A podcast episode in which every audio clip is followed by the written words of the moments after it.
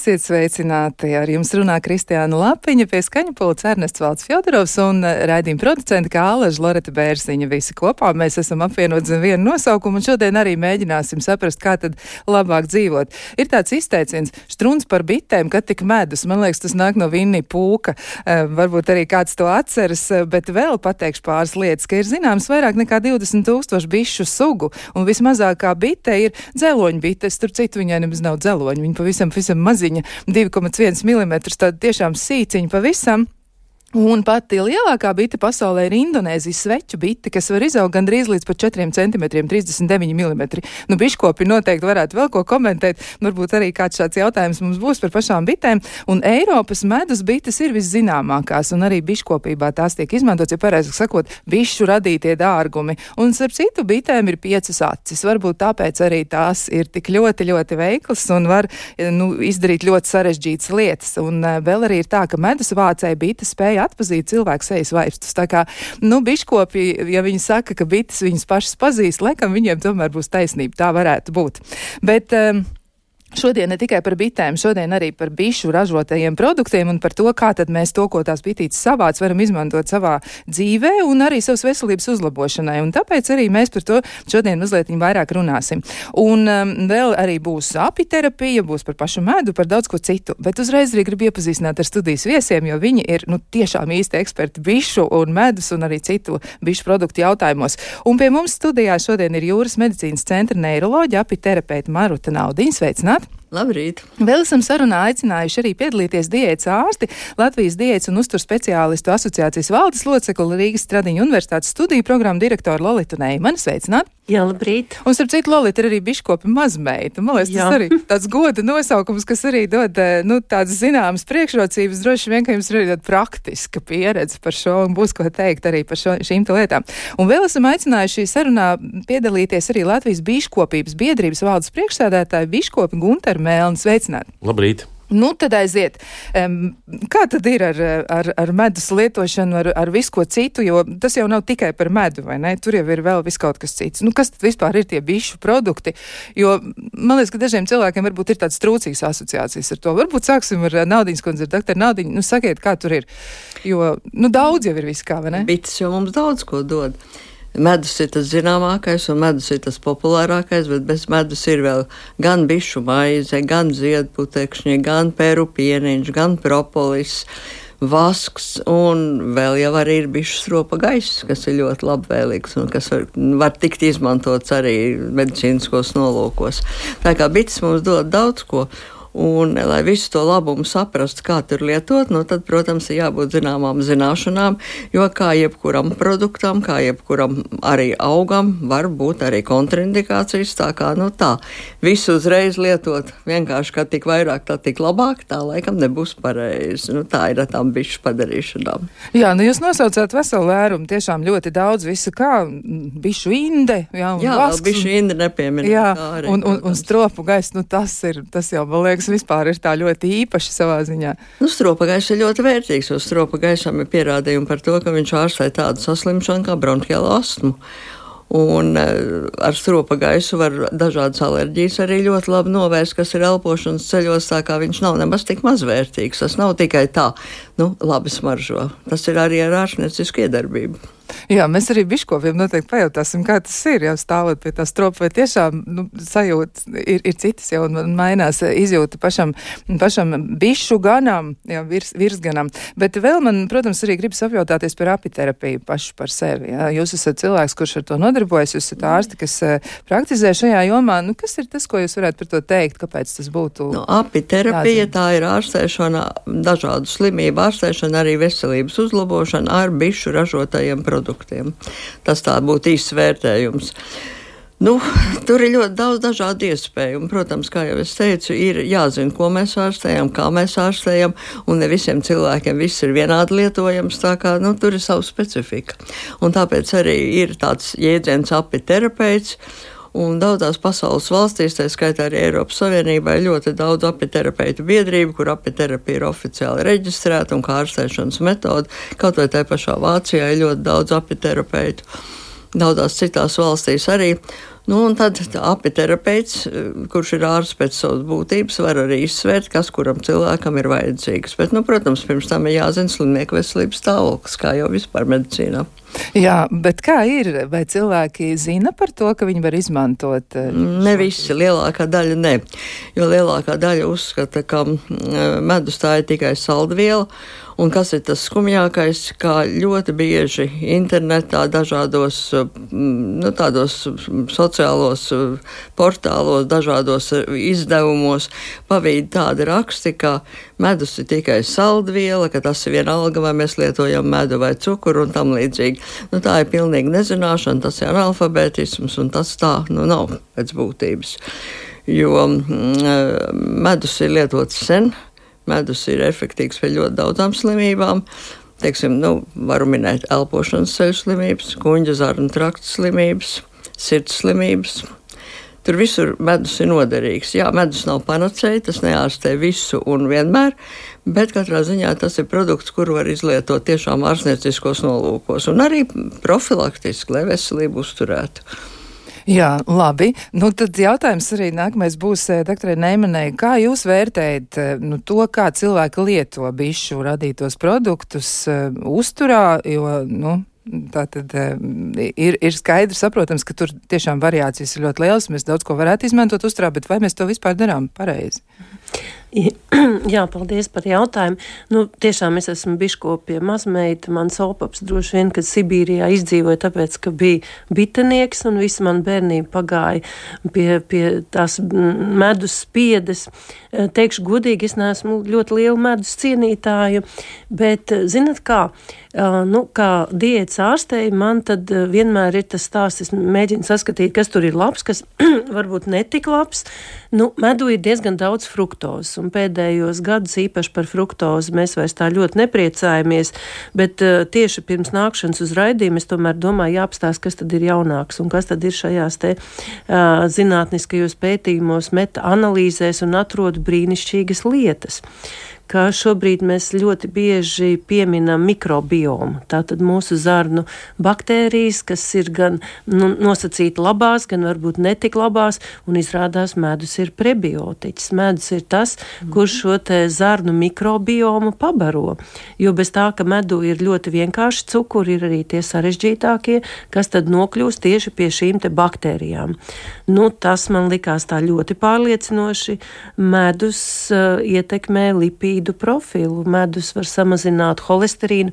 Protams, ka tas nav kā panacēja un tā nebūs, ja pacientam ir uh, izteikti paaugstināti visi šie lipīdu rādītāji, tad droši vien nebūs tā, ka tikai ar medu pietiks.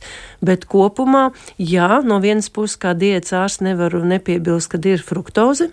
Un fruktoze, jau, protams, ir ļoti daudzos mūsdienas produktos, kur, no kuriem varbūt mums tiešām vajadzētu izvairīties kaut vai dēļ profilakses, podagrai, otrā tipa diabētam.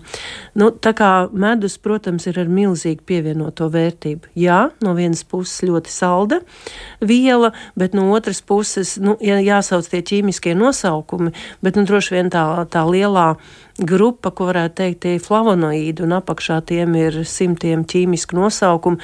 Tā tad nekādā veidā nevar salīdzināt ar cukuru, bet no otras puses nav tā, ka mēs varam burciņām vien, burciņām vien, nu, Tomēr, jā, tomēr visā ir jāievēro mērenība. Bet, ja ģimenē ir tāds lācītis viens, nu, kurš tiešām ir gatavs paņemt to burciņu un tad, nu, tad pakarot nu, tas vien... viņam var ļoti slikti beigties. Kā tas var beigties? Ir droši vien ar, ar vemšanu, sliktu dušu un, un nepatīk pret medu uz ilgiem gadiem. Jā. Mūsu ģimenē tāds gadījums bija, kad viens no bērniem, nu tas manā jaunībā, viens no maniem brāļiem sēdās riktīgi medu, un viņš ilgu laiku uz medu paskatīties nevarēja. Bet, nu, protams, nekas traģisks nenotika, bet, nu, protams, ka nekontrolēti lietot medu noteikti nedrīkst. Tas, bet cik tad būtu? Neimanē pilnīgi piekrīt. Jā, tas Jā, ir bet... Eh, mērenība, tas ir par jebkuru produktu. Tas mums, piemēram, produktu, ūdens ir fantastisks lieta, jā, bet mums nav jādzer 5 vai 8 litru litra ūdens. Tāpēc. Un, jā, šī, šis te vārds mērenība, tas, es domāju, diets ārstu, tas galvenais uztur speciālistu ierocis mērenība. Jā, bet ja tas būtu tāds parasts cilvēks, nu tiešām ar labu veselību, bez jebkādām tādām veselības mm. izmaiņām, ja no, novirzēm no normas, nu tad cik tad varētu būt dienas dēva medus, pieņemsim? Nu, es droši vien tādu konkrētu nenoteikšu, bet to, ko es lasīju šajos pētījumos, nu, tur bija minēts 30 līdz 50 grami. Ja? Tas nav ļoti daudz. Un es tiešām zinu, man ir bijuši pacienti, kas medu reāli pērk 3 litru burkas un tiešām karotēm. Nu, tā nē, ja? tur, tur noteikti dienā iznāk vairāk kā tie 30, 50 grami. Jā. Ne, es teiktu tā vienkāršā valodā. Div, divas, trīs ēdamkarotas dienā cilvēkam, kuram nav nekādu problēmu. Nu, tas būtu, teiksim, tā pieļaujama norma pieaugušam cilvēkam. Bērnam, protams, varbūt mazāk tomēr. Ja? Nu, tad, jā. Bērnam mazāk, jā. Un droši vien es uzreiz gribētu pieminēt, ka nu, gan jau, ka biškops teiks vēl vairāk, bet ka nu, neliekam medu karstā tējā. Mm un neliekam karstā kafijā. Un pēc iespējas varbūt mazāk eh, medu termiski ar viņu darbojamies, ja, jo, jo tad viņš atkal maina tās īpašības. Pirmkārt, viņš vairs nav tik vērtīgs, otrkārt, eh, nu, teiksim, tās medus kūks droši vien arī nebūtu ikdiena. Jā, tas tāds kārums drīzāk, kas jāatstāja varbūt svētkiem, kas tuvojas, tad tur varētu ar to medus koku sev palutināt. Bet, nu, tiešām jāpievēršas arī biškopiem, jāuzdod jautājums arī biškopiem Gunteram Melnim. Nu, kā vispār ir ar medu eh, un eh, bišu produktiem Latvijā? Kā jūs to vērtējat? Pirmkārt, cik tā industrija mums ir attīstīta, vai mums pietiek medus, un, eh, un kā, kā jums liekas, jo ir ziņas par to, ka Latvijas medus ir labs, un arī tie produkti ir labi. Ir. Latvijas medus vienmēr ir bijis labs. Un biškopi vienmēr cenšas, lai viņš būtu labs. Vienīgais, ka iedzīvotāju patēriņš šobrīd uh, tiešām ir negatīvs, un uh, mēs lietojam medu ar vien mazāk un mazāk. Un te jāpiekrīt uh, kolēģiem, ka mums tās zināšanas par šo produktu samazinās. Mēs esam aizmirsuši to, ko mēs kādreiz visi zinājām, izmantojām, priekš kam un kā. Un mēs īsti nezinām, cik daudz var lietot, un tas ir galvenais, ka mums ir jāsaprot, kādos gadījumos, cik daudz mēs lietojam. Un tā ir, kā jau Matas Naudiņas kundze teica, viena karote bērniem un trīs maksimums karotes pieaugušiem. Un tās trīs karotes ir tad, kad mēs cenšamies pirtī pabarot savu ķermeni, tie ir 100 grami, visu ķermeni pabarot ar šo vērtīgo produktu. Un parasti ikdienā vienu karoti pieliekam pie tās pašas tējas vai ūdens, otru karoti pieliekam pie ēdiena. Nu, un trešo tad uzsmērjam sev galvā, lai mati labāk aug un sti stiprām saknēm, vai vienkārši uz ādas. Paprie, papriecināt savu ķermeni. Jā, nu klausītāji arī mūs eh, aicina nenokāpt no mūsu pašu iemītās taciņas, ko mēs sev izvēlējāmies, jo mēs tomēr gribam arī par citiem višu produktiem parunāt, ne jau tikai par medu. Eh, un tad, eh, nu, tāds jautājums ir, ko vēl var lietot gan uzturā, gan arī ārstniecībā, kas ir tas, ko vēl var izmantot. Nu, varbūt mēs varam izvēlēties kaut ko vienu, nu, piemēram, arī par to pašu peru pieniņu parunāt, jo tur, nu, arī ir tā, ka cilvēki par to zina, daži zina, daži nezina, un tad kādam nolūkam tas būtu izmantojams. Peru pieniņš profilaktiski ļoti labs būtu imunitātes stiprināšanai. Kāpēc?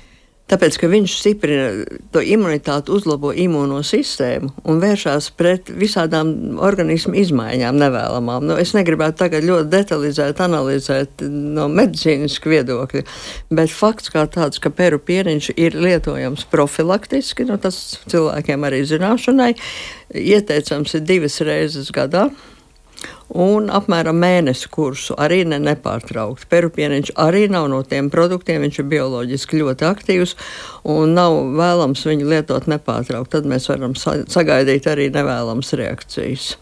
Tas ir viens no tiem produktiem, ko varam lietot. Protams, ja ir kaut kādas smagas slimības bijušas, kaut kādas nopietnas operācijas, nu, tādas veselības problēmas bijušas, tad pēru pieriņu varētu izmantot arī tajā atvesaļošanās periodā. Un, protams, būtu ieteicams konsultēties ar ārstiem, kuri ir nu, lietas kursā par šo bišu produktu lietošanu. Otrs produkts, ko varētu lietot cilvēki, tas ir propolis. Un propolisam ir ļoti labas īpašības. Viņš ir antibakteriāls pret vīrusiem, pret sēnītēm, pret baktērijām. Tātad pret visiem tiem mikroorganismiem, kas organismam ir nevēlami un kurus neārstē antibiotikas, jo vīrusu jau antibiotikas neārstē. Nu, un tad to profilaktiski varētu to propolisu lietot, teiksim, tādas gripas epidēmijas laikā, tad, kad ir vīrus, nu, elpošanas ceļu vīrus, teiksim, manifestācija, tad varētu arī palietot propolisu. Bet arī propolisu nevar nepārtraukt un ilgstoši lietot. Nu, tur arī individuāli jāskatās, nu, vidēji varētu kādas trīs nedēļas palietot viņu. Veidi var būt dažādi. Ir nopērkams kapsulās, aptiekās var nopirkt arī propolisu kapsulās. Var, protams, arī lietot biškopu saražoto propolisu. Nu, tur ir dažas nianses. Kad var, kad nevar, varēsim palūgt biškopim detalizētāk pastāstīt par propolisu, kā viņš tur viņu savāca. Bet katrā ziņā tas arī viens no tiem produktiem, ko mēs varētu lietot profilaktiski. Nu, un tad um, ir ziedputekšņi vai bišu maize. Eh, bišu maize ir fermentētie ziedputekšņi, un tā uzskata, ka bišu maize tomēr cilvēku organismā labāk izmantojās, jo mūsu fermenti to ziedputekšņu cietu apvalciņu nesevišķi labi sašķeļ. Bet, nu, bišu maize jau ir bišu pašu fermentēta, un tad viņi vieglāk arī organismā izmantojās. Nu, bišu maize arī lietojam gan profilaktiski imunitātes stiprināšanai, gan arī atvesļošanās periodā pēc smagām slimībām, pie lielas slodzes arī. Nu, teiksim, studentiem eksāmenu laikā, vai, teiksim, ja cilvēkam ir liela slodze, kaut kādi lieli projekti, un viņš ļoti intensīvi strādā, tad to var ar kā palīgu līdzekli, kas uzlabo darba spējas. Nu, rekā. Jā, nu, tiešām ļoti vērtīgi. Nu, man jau tagad sāk vilkt uz to, ka tagad vesels saraksts būs jāuztais. Iedrīkst jautājumu, Jā. doktorē. Nu, es Covid laikā propulīsa ziedītas mērēju degunā, ejot cilvēkos. Jā, ļoti pareizi. Ļoti pareizi, jā. jā. jā. Jā, nu tad uh, mums arī jāpameklē, būs tā propolis ziedi, jo tiešām propolis jo tagad, tagad tiešām to varētu brīd. darīt, jo kaut jā. kāda vīrusu jau tagad arī, protams, ir. Jā, ļoti, ļoti slimo. Es kaut vai varu pēc saviem studentiem spriest, un nu, mēs jau Covid laikā arī esam iemācījušies daudz labas lietas attālinātās studijas. Un tad saka, mm, pasniedzēji iesnes kakla sāp, vīrus, vīrus. Un, nu jā, patiesībā es droši vien par medus produktiem kopumā gribētu teikt kā to lielo vārdu imunitāte. Ja? Mm -hmm. Jo vai mēs skatāmies caur šo te zārnu mikrobiomu, kas ir šobrīd nu, gandrīz tas galvenais stāsts par to, kā tad mēs varam šī te uh, zārnu smadzeņu asu šī te, nu, tiešām fantastiska šī te, nu, kāda tāda, es teiktu, ka ķīmiska laboratorija ja, ir medus. Bet, nu jā, nu, tikai tas viens, ko, ko es kā tāds īstenis vecs dietloks teikšu par to fruktozi, ja, jo mums tā fruktoze šobrīd ir tik ļoti daudz dažādās mērcēs un sīrupos un, un fast foodos, jo kopumā uzskata, ja dienā nu, nedrīkstētu vairāk par 100 gramu fruktozes, kas tiešais ceļš uz taukainu aknu. Ja? Tā kā, bet visādi citādi, nu, ja kāds saka, ka medus ir tas pats, kas cukurs, nu, tās ir absolūti atšķirīgas lietas. Jā. Lai arī abas saldas. Lai arī abas saldas, jā. Mums ir klausītājs zvans, un šajā brīdī mēs varam arī uzklausīt. Mēs jūs klausāmies, esiet sveicināti! Tad jautājums ir, nu es arī saprotu, ka šī vairāk nekā izklausīsies, bet Tā tad uh, ir divi jautājumi. Pirmais ir, kāds ir labāks, tas šķidrais vai arī sacietējis medus? Un tad ir vēl otrs, ir šī gada medus, nu, vai tā paša gada medus, vai kaut kādu gadu vai divus arī medus var stāvēt. Paldies par jautājumu. Jā, tātad kā tur ir? Kurš ir tad labāks, ja vai ir atšķirība? Jā, nu, protams, ka biškopim šis jautājums ir pilnīgi skaidrs. Jā, ļoti labs jautājums vispār, jo mēs jau esam pieraduši pie tā šķidrākā meda un uzskatām, kā patērētāji, ka tas ir tas labākais, bet ir tāds termins kā nobriedis medus. Un nobriedis medus ir tas īstais. Ar medu ir tieši tāpat kā ar vīnu jo viņš ir senāks, jo viņš ir izturētāks, jo viņam ir šīs vērtīgās visas īpašības nostabilizējušās, un arī tā iedarbība uz organismu ir vērtīgāka. Un vajadzētu būt tā, ka tas šķidrais medus, svaigais medus, kas ir mums eh, pirmais šajā gadā, ir kā našķis.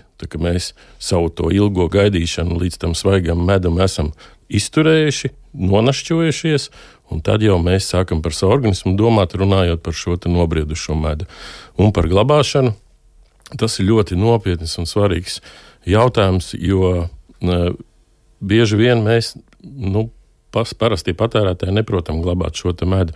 Mēs noliekam uz galda, mums telpā ir ļoti augsts relatīvais mitrums. Šis mitrums iesūcās medū un uzreiz samazina šo medus glabāšanas ter, termiņu. Bet patiesībā jau viņu nevajadzētu glabāt, viņu vajadzētu regulāri lietot, un tad ar to medu nekas slikts nenotiks. Bet medus ir medus arī pēc 10, 20 un arī 30 gadiem. Jautājums, vai mums tas ir vajadzīgs tik ilgi glabāt? Mums viņš vajadzētu lietot. Jā, nu tā, tas ir, tā ir arī atbilde jā, uz, uz jautājumu daļai. Es bet... gribētu piebilst, jā. ka es nesen lasīju vienu publikāciju, kur bija tieši apcerēts un arī dažādi pētījumi tika uz, uzrādīti, kur ilgāk stāvējis medus, divi, trīs gadi vecs, kas ir sacukurojies, kā tautās saka, jeb, teiksim, kristalizējies, ka tas ir medicīniski daudz vērtīgāks. Tur bija vesela rinda pētījuma apakšā arī. Tā kā Pilnīgi pareizi. Pilnīgi pareizi. Jā, bet un tā, kā, un tā kā es pat arī esmu biškopi, jo man jau ir bites, mm. tad, um, tad es teikšu tā, es medu lieku stiklu burkās nepārāk lielā fasējumā, puslitri, litri, nu, divi litri kādreiz. Un noteikti jaunu, stingru metāla vāku virsū, un ne jau saules staros, un ne jau siltā telpā. Un arī, protams, ne tur, kur nu galīgi augsts, bet, nu, vācot kaut kādā tādā vēsā pieliekamā. Un, un stāv arī man kādreiz kāda burka aizķerās ilgus gadus, nekāda vaina. Un kādreiz ir tā, ka es uzlieku to burku galdā, un kāds garšo un saka, vai cik šitas garšīgs nosāvējies, nobriedis, kā mēs sakam. Jā, nu tā ir. Nu, vēl arī tādi jautājumi ir par tiem citiem produktiem, cik tos ilgi var glabāt, jo kādās formās tad viņi ir pieejami un kā tad ar tiem, jā, jo medus jau nav tas vienīgais. Nu, jā, par, piemēram, par to dažādas, dažādas biškopības, biškopības produktus var eh, dažādi glabāt pēc ilguma. Bet patērētājiem vajadzētu saprast, ka nevajadzētu produktus nevienus glabāt ilgāk par gadu. Tas ir no sezonas, no sezonas. Ja mums ir svaigi ziedputekšņi, tad mēs viņus glabājam līdz nākošajiem ziedputekšņiem un viņus ēdam, jo svaigāks produkts, jo viņš ir vērtīgāks. Jo jebkura glabāšana, vai mēs viņu žāvējam, vai mēs viņu saldējam, jebkurā gadījumā ietekmē tā produkta kaut kādus kvalitatīvos rādītājus. Tāpēc vislabākais vienmēr būs tas, kas ir vissvaigākais arī pērapienīņš, arī bišu maize vai ziedpatekšņi un jebkurš cits biškopības produkts. Jā, bet nu tad par to medu mēs to varam, to, nu tas tāds, nu nevar gluži teikt, ka izņēmums, bet arī jāpēd ir, cik no ātri var no vienas puses, bet nu paglabāt ar var kādu gadu divus, ja nebūs. Un, un vai tā ir taisnība, kad eh, šos te ļoti bioloģiski aktīvos produkts, kā ziedputekšņus, bišu maizi iesaka ēst dienas pirmajā daļā. Jā, ja? jā un kāpēc, jā. kāpēc tā? Lai sev pārāk neuzmundrinātu. Ne, pārāk, pārāk neuzmundrinātu. Uzturēs tādu, nu, ļoti enerģisku, un tā vakarā nevarēs aizmigt. Jā, nu, lai tad. Pie, pie lietošanas vēl jāatcerās, ka daudzi produkti arī baidās no uh, skābes, nu, mūsu sālskābes, tāpēc eh, ne visus var kuģī likt. Un, ja mēs runājam par to medu, viņam ir ļoti atšķirīga iedarbība. Tad, kad mēs viņu ēdam, dzeram, vai tad, kad mēs viņu sūkājam mutē. Mm. Ja mums sāp galva, tad noteikti noderēs medus sūkāšana, nevis viņas čēdīšana un ēšana. Teiksim, ja mēs runājam par eh, peru pieniņu vai tranu homoginātu, tad viņu kuģi vienkārši neutralizē viņš ir bezvērtīgs. Jā, sūkā mutēm. Jā, bet lūk, un arī klausītāji ir jau izmēģinājuši šādu lietu. Viņi saka, pirmkārt, eh, paldies par interesanto raidījumu, par to, ka studijas viesi atgādina par to, kas mums ir pieejams un dabisks. Un viņi saka tā, ka man pašai propolisa šķīdums spirtā, vilinot uz cukurgraudu, bija vienīgais, kas palīdzēja atbrīvoties no nepatīkam krekšķa pēc vīrusu izslimošanas. Ja? Viņi saka, paldies raidījumu viesiem par to, ka jūs atgādināt tik svarīgas lietas.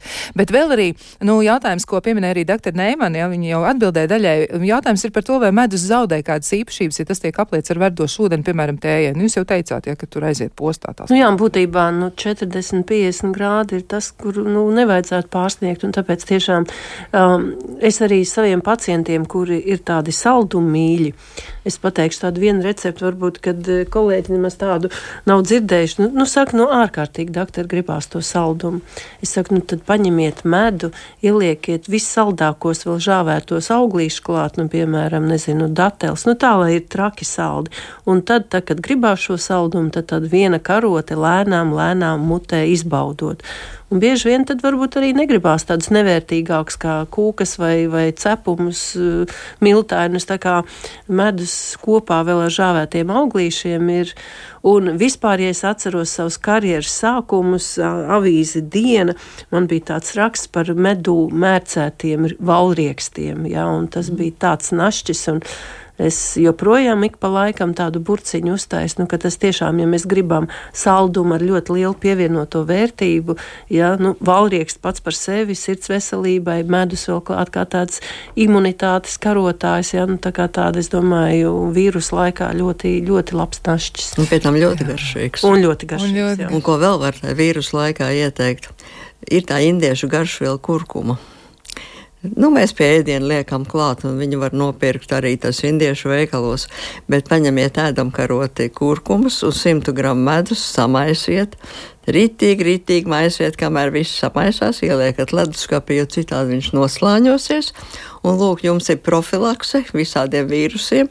Nu, tā rekomendācija, teiksim, tie, kas ar šo te tur pētīšanu nodarbojušies, saka, tā profilaktis viena teikarota dienā. Nu, ja nu saslims, tad varētu līdz trijām teikarotēm dienā paņemt mutē un nosūkāt. Jo tas tiešām ir taisnība. Medus iedarbojās dažādi, ja mēs viņu nosūkām, vai mēs šķīdinām viņu vēsā ūdenī, vai mēs šķīdinām viņu siltā ūdenī.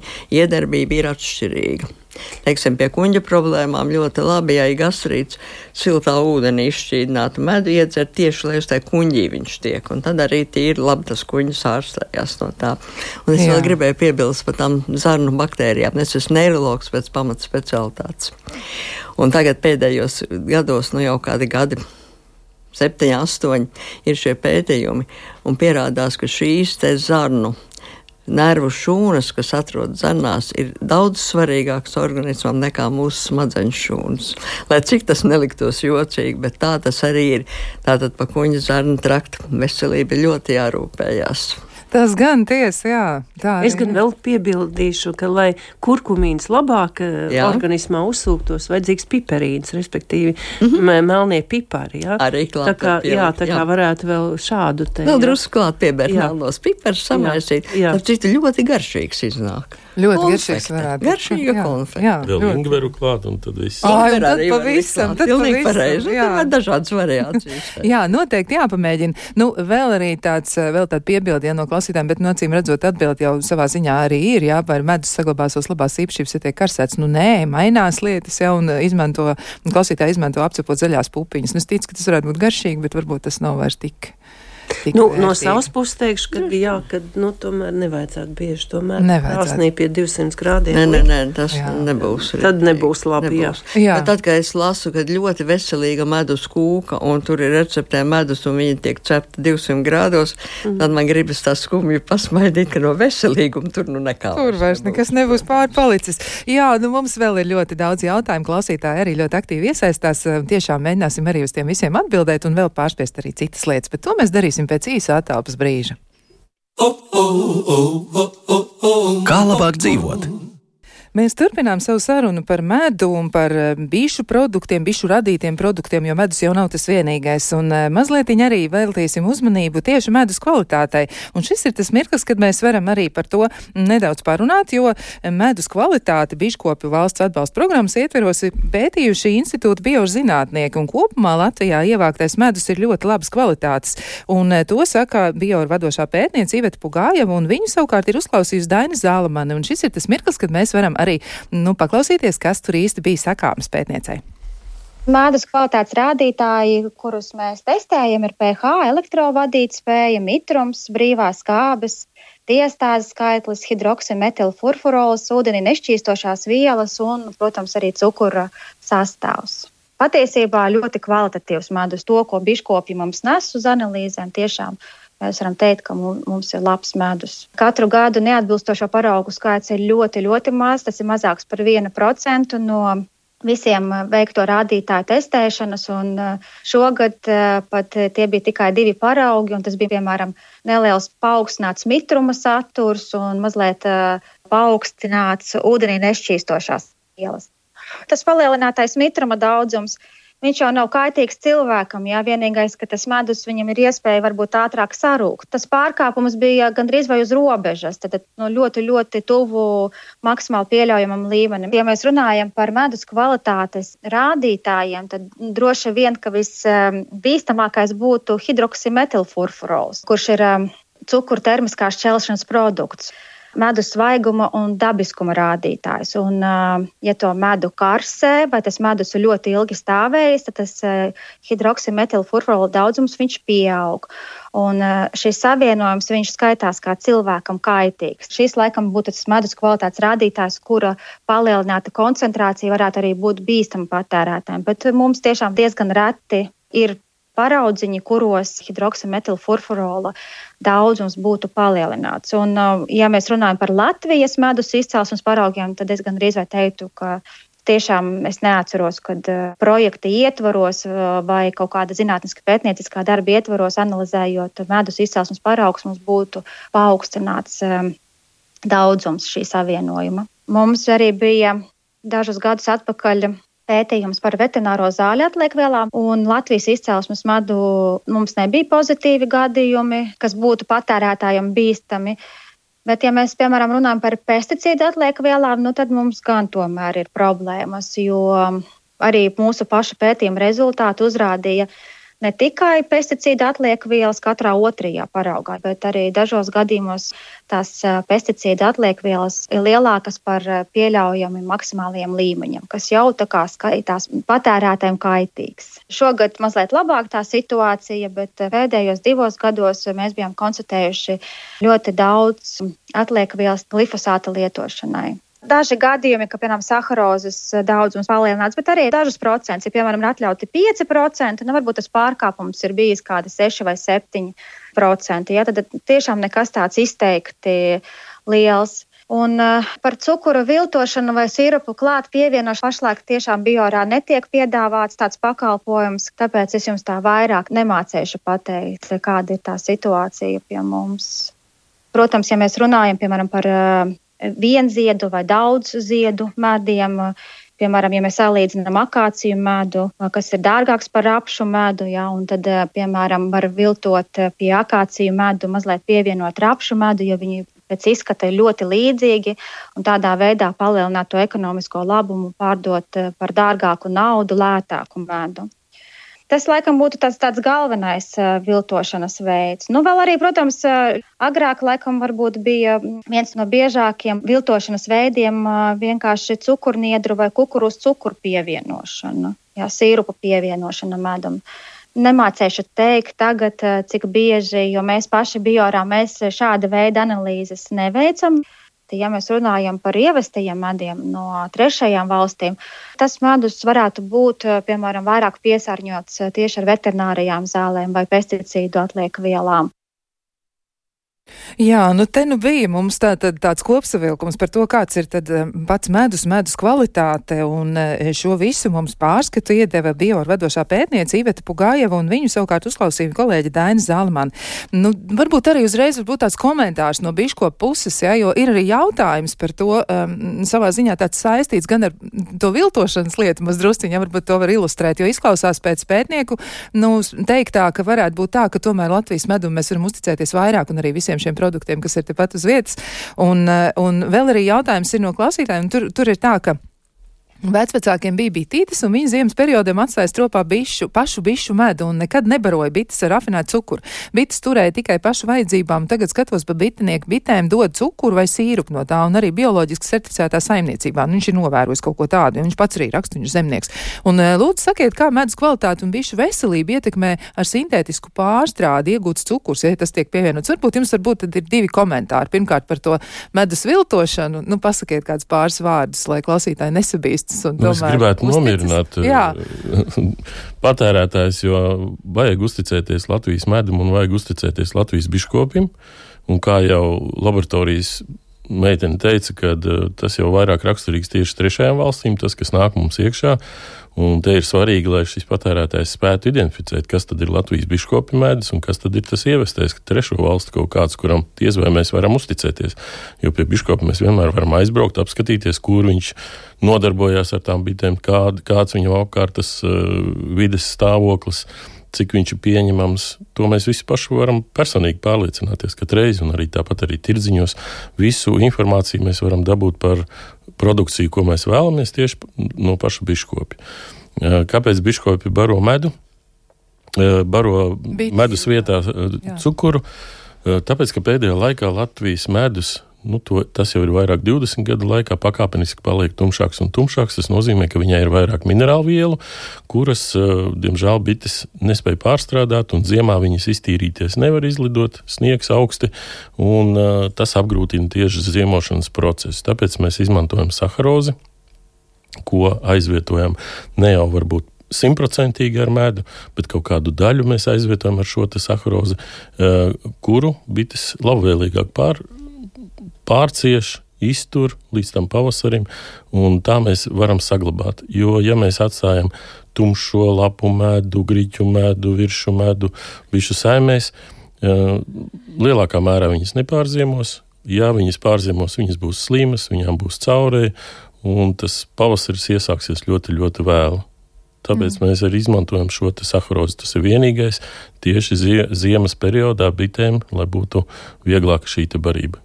Jā, nu rekā, nu arī klausītājiem ir daži tādi secinājumi un arī, arī runājot par to, kā var eh, izmantot dažādas produkcijas. Un savā laikā, kad bērnam bija slikta ēst, grib, tad ģimenes ārsti ieteica lietot bišu māšu par pienu, ja nu, tāds ļoti labs novērojums un arī laikam un tomēr ir palīdzējis. Bet eh, vēl tāds jautājums ir, kāpēc šķidrais medus mažo pēc rūgtuma? Arī tā, nu, tā, tā tiešām ir. Es arī esmu pamanījis to atšķirību. Nu, ne jau visi. Ne visi, protams, jā. Augi. Tas, tas ir atkarīgs no, no kāda auga, nes, no kādiem ziediem. Nes. Jā. Jā, un vēl jautājums ir, Latvijas vīršu medus ir tikpat vērtīgs kā slavenais manuko medus no Jaunzēlandes, un ko par to zina studijas viesi? Un droši vien, ka jums tas jautājums kā bišķi. Mums ir daudz tādu medu, kas ir vērtīgāki par manukas. Manuka tas principā tas, tas ir mārketings. Ugunspuķa ir jā. ļoti radniecīga tieši varbūt nevis virsmu, bet ugunspuķis medus ir praktiski identisks manukas medum. Mums vienkārši pietrūkst šī mārketinga. Nu, tad pie tā ir jāpiestrādā. Jā. Savā laikā biškopības biedrība gribēja pārbaudīt ugunspuķi savāktu medu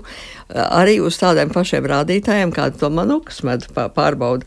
Un mums Zviedru laboratorijā teica, jo viņiem ir mm, prioritāte tikai šis manukas medus. Tā kā tas ir atkal kārtējais bizness. Tā tad jāpiestrādā būs pie šī jautājuma. Nu, vēl arī ir tā, ka uh, tad jautājumi ir par, um, par piparkūku mīklu. Nu, šobrīd tas jau ir aktuāli, ja piparkūku mīklu, un jautājums ir tāds, vai piparkūku mīkla ar medu ir vērtīgāk par parasto piparkūku mīklu ar cukuru, ar, un, un izskatās, ka nē. Garšīga. Garšīga bet, bet vērtīguma ziņā nedomājiet, ka jūs ēdīsiet medus piparkūks un jūs būsiet būs veselīgi. Nu, Garšīgs vēl, viņš ir, jā, protams. Jā, nu vēl jautājums arī, vai bišu maize ir vērtīgāk, ja lietot tukšā dušā, ja un arī kā pareizi lietot propolis. Nu, jūs nedaudz jau to raksturojat, bet varbūt. Redz, kas ir ar to bišu maizi tukšā dušā. Ne visi kuņģi panes to var lietot, bet es kādreiz iesaku saviem pacientiem, kuriem nu, nesevišķi gribās tukšā dušā, kuņģis tā kā bišķi protestē. Es iesaku, lai nu, kaut vai brokastu putrā var iemaisīt iekšā. Jā, teiksim, nu, tādā veidā. mutē. Lai arī nost. Mutē, jā, bet ir daži, kuriem nesevišķi garšo. Nu, tad var, var teiksim, iemaisīt tajā putrā, nu, protams, ne jau verdošā karstā, bet, nu, siltā putrā, un tad kopā to putru, tā garša bišķi tur ir, bet nav tik traki. Bet, nu, katrā ziņā, katrā ziņā, jā, nu, dienas otro pusi gan nevajag ēst. Un bezpiedēvu jogurtā arī var ļoti. Jogurtā var, jā, putrā, Tas ir jogurtā. ļoti garšīgi. Es garšīgi, varu atzīties, ļoti, jā, ļoti garšīgi. garšīgi. Tiešām. Maziem bērniem, ja viņiem negaršo tā bišu maize, ja viņiem labāk garšo ziedputekšņi, tad viņiem var vai nu medu vai jogurtu kaut ko garšīgi pielikt klāt, un tādā veidā viņi ļoti labprāt arī. Vēl es, vēl es gribu par to peru pieniņu teikt. Ir cilvēki, kuriem tas peru pieniņš negaršo. Man kā reiz vakardien bija saruna ar kolēģi, kura bija nopirkusi savai mammai un pati pamēģinājusi. Viņa saka, man negaršo. Viņš, es saku, tu nerēdi to kapsulu netur mutē, izber viņu ārā, nu iemais kaut vai tajā pašā medū, iemais un tad nosūkā. Tā nebūs tā garša. Jo peru pieniņam arī drusku tāda rūktena garša, tāda kā bišķi dedzinoša garša. Jā, nu vēl arī jautājums ir par to, kāpēc reizēm arī smaržo pēc rūguma, nevis pēc rūgtuma, oh. jo ir rūgtais medus, ja kā liekas, un, Nē, un rekur ir arī. Rūgts ir rūgts. Jā, bet, bet rūgums sarūdz, tā liekas, ka sarūdz. Jā, viņš ir sarūdz, tas nozīmē to, ka ir nepareiz glabāts vienkārši. Atstājiet virtuvē uz galda, vāciņu blīvi neuzliekiet, tur ir virtuvē pietiekam daudz mitrumu, tas medus jums rūks, un tā vainosiet biškopu un teiksiet, viņš man iedeva sliktu medu, bet tā nav. Jo medus ļoti uzsūc apkārt novērtēju to gan smaržas, gan garšas, visu viņš sasūc iekšā, un arī to ūdeni viņš uzsūc, diemžēl, no gaisa. Tā kā vajag blīvais. Jā, gribētu burciņu. piebilst, ka viss ir jātur, nu, ne, jā. ne virtuvē uz saules gaismā, tas pats par olīveļām, ja, kur kādreiz liekas, kad um, saulainā virtuvē pie plīts, ja, tā kā priekš tam jau ir skapīši, un tas ideālais variants, kad viss tomēr ir istabas temperatūrā tumsā glabāts, ja, jā. un, jā. attiecīgā iep iepakojumā, jā, kas ir labāk iztīkls. Slē, un slēgtu medu slēgtu, noteikti jā. jāglabā mm. slēgtu. Jā. Arī to burciņu, kur jūs regulāri lietojat. Arī to, jā. Nu, vēl tāds jautājums arī par to propolisu bija, kā to pareizi lietot visai ģimenei. Nu, par propulīsu lietošanu es domāju, ka, ja tas ir domāts ārstnieciskos nolūkos, tomēr būtu saprātīgi konsultēties ar ārstu, kas pazina apiterapiju. Ja grib tīri vienkārši profilaktiski, te jau mēs minējām, gan smērēt degunā, gan arī nosūkāt propulīsa gabaliņus, gan arī tās propulīsa kapsulas palietot. Nu, to visu tā var lietot, bet um, propulīsu arī nevajag ilgstoši nepārtraukt lietot. Ja tās kapsulas dzer, nu, tad es teiktu, kādas trīs nedēļas tā varētu dzert pa divām kapsulām. Vienu no rīta, vienu vakarā, to drīkst vakarā dzert. Jā, nu vēl, un, un jā. smērēt degunāto propulīsu. Tas būtu tāda lieta. Ja Jā. grib ārstēties, tad jā. Jā, nu šobrīd, tad, kad mēs dzirdam ar vienu par jauniem saslimšanas gadījumiem, visdažādākie vīrusi, nu, man liekas, jā, tas ir tas, kam jābūt kabatā Tas ir propolisa ziedītē. jā. Tiešām, jā, zied nopērkam, jā.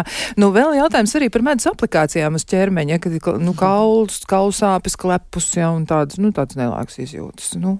Nu, pirmkārt, jau droši vien, ka tīri arī estētiski, jā, jo eh, šī pazīstamā medus masāža, jā, kur mm -hmm. paņemot saujā medu un uh, pirtī dušā, jā, kur patiesībā, nu, parasti jau sievietes uztraucās par visādām lietām, kā, sauksim, tur apelsīnu miziņas celulīti. Būtībā šī medus masāža ir pašu veikta, jā, ir viens ļoti labs veids, kā tonizēt ādu, jā. Jā. Nu, es, man bija gods būt um, Lietuvā uz starptautisku konferenci par apiterapiju. Un tur mums kolēģi no Brazīlijas demonstrēja medus masāžas, un viņi teica tādus vārdus. Es atkārtoju, ko viņi saka, kad viss medus masāža izsūc no ādas visu slikto ārā. Un katrā ziņā, jā, nu, protams, tāda pēc tam paliek maiga un mīlīga. Mēs, piemēram, mājās lietojam pirts procedūrās to. Labi. noteikti lieto pirts Jā, tas ir tas uh, atbildi tiem cilvēkiem, kas saka, ka medus negaršo, ka viņi viņu nelieto. Lai Tad lai smērē virsū. Lai smērē Arī tā var, jā. Nu, vēl jautājums arī par bišu, bišu dzēlieniem. Kā tur ir? Bišu inde ir ļoti vērtīgs produkts, bet, kā jebkura inde, ir ar savām blaknēm. Un tāpēc bišu indes terapija nav lietojama uz savu galvu. Nu, tur gribētu būs jākonsultējas. Bet, ja, ja teiksim, mēs runājam par to, kur bišu inde palīdz, bišu inde palīdz ļoti daudzām lietām. Viena lieta ir trombozes ārstē, jo bišu inde ir tendence asins sašķidrināt. Tātad tā ir kontraindicēta cilvēkiem, kuriem ir tā saucamā hemofīlija, kad asins nesaradz. Tie nedrīkst lietot bišu indi. Bet, teiksim, tur, kur ir cilvēkiem tendence uz trombozēm, tur bišu indes terapija varētu būt indicēta. Pie varikozām vēnām var lietot. Palīdz, nu, teiksim, ir arī teorētiski pētījumi un, un praktiski pētījumi, bet, nu, protams, masveidā to pielietot, tas ir diezgan sarežģīti, bet principā bišu inde varētu palīdzēt akūta infarkta un akūta insulta gadījumā, kad ir tromboze. Bet es domāju, ka šādus eksperimentus vēl paies ilgs laiks, kamēr varēs to darīt, bet pieļauju, ka kādreiz varbūt mēs iemācīsimies to darīt. Labi. Nu, vēl viens jautājums ir pastāstīt par tādu bišu produktu kambiju. Kambijas, kas tas ir? Kambijs. Jā. Kandīs varbūt. Varbūt, tas- nu, klausītājs Jā. ir. Jā, Tas Nu, domāts kandijs. Tas droši vien ir domāts kandīs, jā. Nu, Jā. to mēs vairāk izmantojam bišu barībai, bet arī garšo cilvēkiem. Mēs Jā. ar viņu parasti cenšamies bites barot, jo tur ir medus, ziedpatekšņi iekšā, viņš ir diezgan vērtīgs, bet uh, tie, kas pagaršo, varbūt tie bērni tiek klāt pie šī kandija, un tad viņi, jā, tad, tad Kur tas tādu var Bišu iegādāties? veikalos Jā? nopirkt, jā. Bet nu, to nevajag priekš sevis pirkt. Nevajag, tas, tas, bija tītājiem domāts jā. labi. Nu, vēl jautājums arī, protams, par to izsvīdumu medus, cik tas ir vērtīgs, jo bija ļoti sausa vasara, jā, augustā. Viņā ir ļoti lietas. daudz minerālu vielas. Priekš cilvēka viņš ir ļoti vērtīgs. Mēs viņu cenšamies neatstāt bišu saimē ziemā, mm. bet, teiksim, kā priekš cilvēka viņš ir ļoti augstvērtīgs. Te gan jāskatās, ja cilvēkam ir kaut kādas indikācijas um, nu, uz alerģijas pusi, tad uh, būtu vēlami gaišie medi. Bet, ja mēs gribam tiešām vērtību lielu, augstu, tad tas ir tieši tumšie medi. Īpaši, te, ja mēs runājam par griķu medu, jā, tad tas ir iekšējai gremošanas sistēmai vienkārši visām tām mikrobiomām pirmā barība. Jā. Irķu medus vēl vērtīgs arī ja mazasinība, jo tur ir ļoti daudz arī dzels iekšā, un pēc tam mazasinības arī ļoti vērtīgs tieši griķu medus ir. Jā, nu mums ir klausītāja jautājums, vēl mēs varam pagūt arī uz to atbildēt, nu, kas ir sakāms. Uzklausīsim. Esiet sveicināti, mēs jūs klausāmies. Labdien! Uh, es, es vienīgais, es, es uh, medu nedabūnu iekšā tikai un vienīgi te pie tējas vai pie, vai pie kafijas. vienkārši. Es, jūs teicāt, ka medu nedrīkst versot verdošā ūdenī lietu, bet kā, es neesmu baigais saldumīls, bet vienkārši es lieku pie tējas un kafijas. Izrādās, ka tas laikam ir pilnīgi bezjēdzīgi. Man likās vienkārši, ka es veselīgi to daru. Paldies, Paldies, jā. Nu, tā tas ir. Nu, Doktor Neiman jau teica, ja, ka tas karstums nogalina tās vērtīgās. Nu, nelēma jau ir tā, ka vienreiz bija biškopības žurnālā liels garš pētījums, ka 40 grādu nesamaitājot medu un varot arī 50 un vairāk grādos likt un medus nemainot savu efektivitāti. Izlasīja visu to garo rakstu, nogrozīja galvu un nevar viņam piekrist. Jā. Es domāju, ka tomēr izmaina to bioķīmisko Izmaina, protams, sastāvu, bioloģiski aktīvās vielas.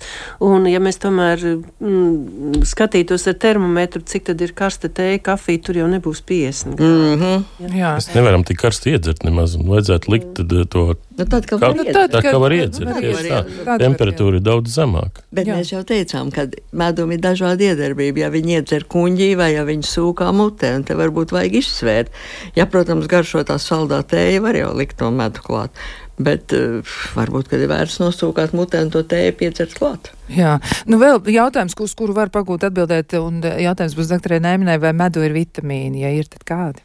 Ui, veselu virkni, es tagad, es, B grupa, B grupa ir īpaši, jā. jā. Un es saku, šie te ķīmiskie elementi, kas ir, bet, nu, laikam es tomēr visvairāk no dietloģijas viedokļu uzsvērtu šos te flavonoīdus, kas ir jā. dabīgi antioksidanti, un tieši tie tad ir arī šie te uh, ar to imunitātes um, jaudu, tieši tieši arī šie mm, mikrobioma, kā, bet, nu jā, arī B grupas vitamīni. Un jā. vēl jau ir arī dabas hormoni, tie paši estrogēnie hormoni. Mm kas arī labvēlīgi cilvēku ietekmē. Mm. Tā kā tur tas sastāvs jā, ir ļoti kupls. Jā.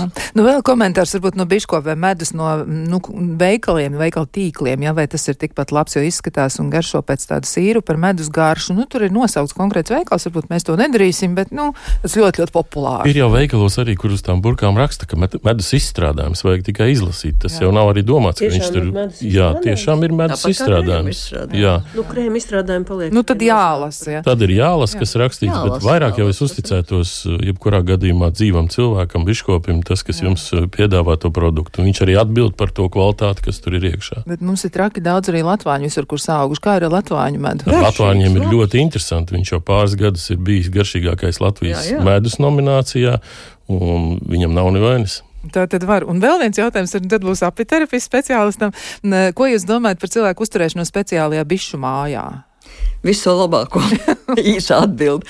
Bet, principā, ko es gribēju vēl pateikt, eh, tie, kas ir nervozi, tie, kas ir tādi nu, satraukti un kur nevar atrast mieru, es nevienreiz vienam saviem pacientiem, sevišķi no laukiem, rekomendēju iegādājieties bišu stropus, vismaz divus, un pastāviet pie viņiem.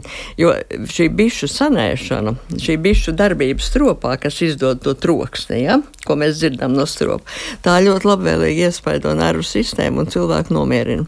Un tas ir pierādīts, tas nav izdomāts, tas ir pierādīts. Nu, būs. Otrkārt, arī Jā, tas stropa gaisa, to jau es te minēju, ka stropa gaisa ārstē dažādas alerģiskas lietas. Mēs dzīvojam nu, nemitīgā stresā. Jā, mēs dzīvojam nemitīgā stresā. Tāpēc jau biškopi ir mierīgāki. Bieži iekod.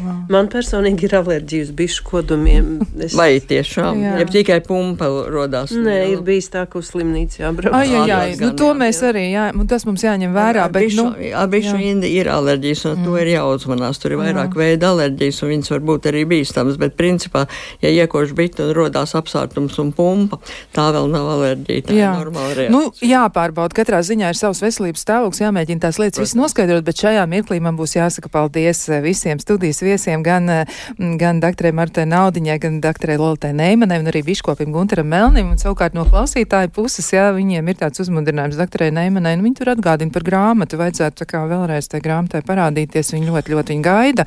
Vajadzētu izdot atkārtoti. Un, un arī, protams, nu, vēl tāds uzmundrinājums. Paldies par raidījumu. Lūdzu, turpiniet izglītot mūs par bišu produktiem. Tiešām vērtīgi un nodrīgi ēdīsim medu, nebūs jāēd tabletes. Tieši tā, nebūs jāēd tabletes. Rīt savukārt kopā ar Elvi Jansonu jums jāpatrenēs ziemā braukt. Kā to darīt, to jūs rīt noskaidrosiet. Savukārt es no savas puses jums novēlu atrodiet mieru, atrodiet to savu biti un varbūt arī jums ir vajadzīgs kāds bišas strops. Es sāku par to domāt. Lai jums tiešām jauka diena un tiekamies atkal citā reizē. Até.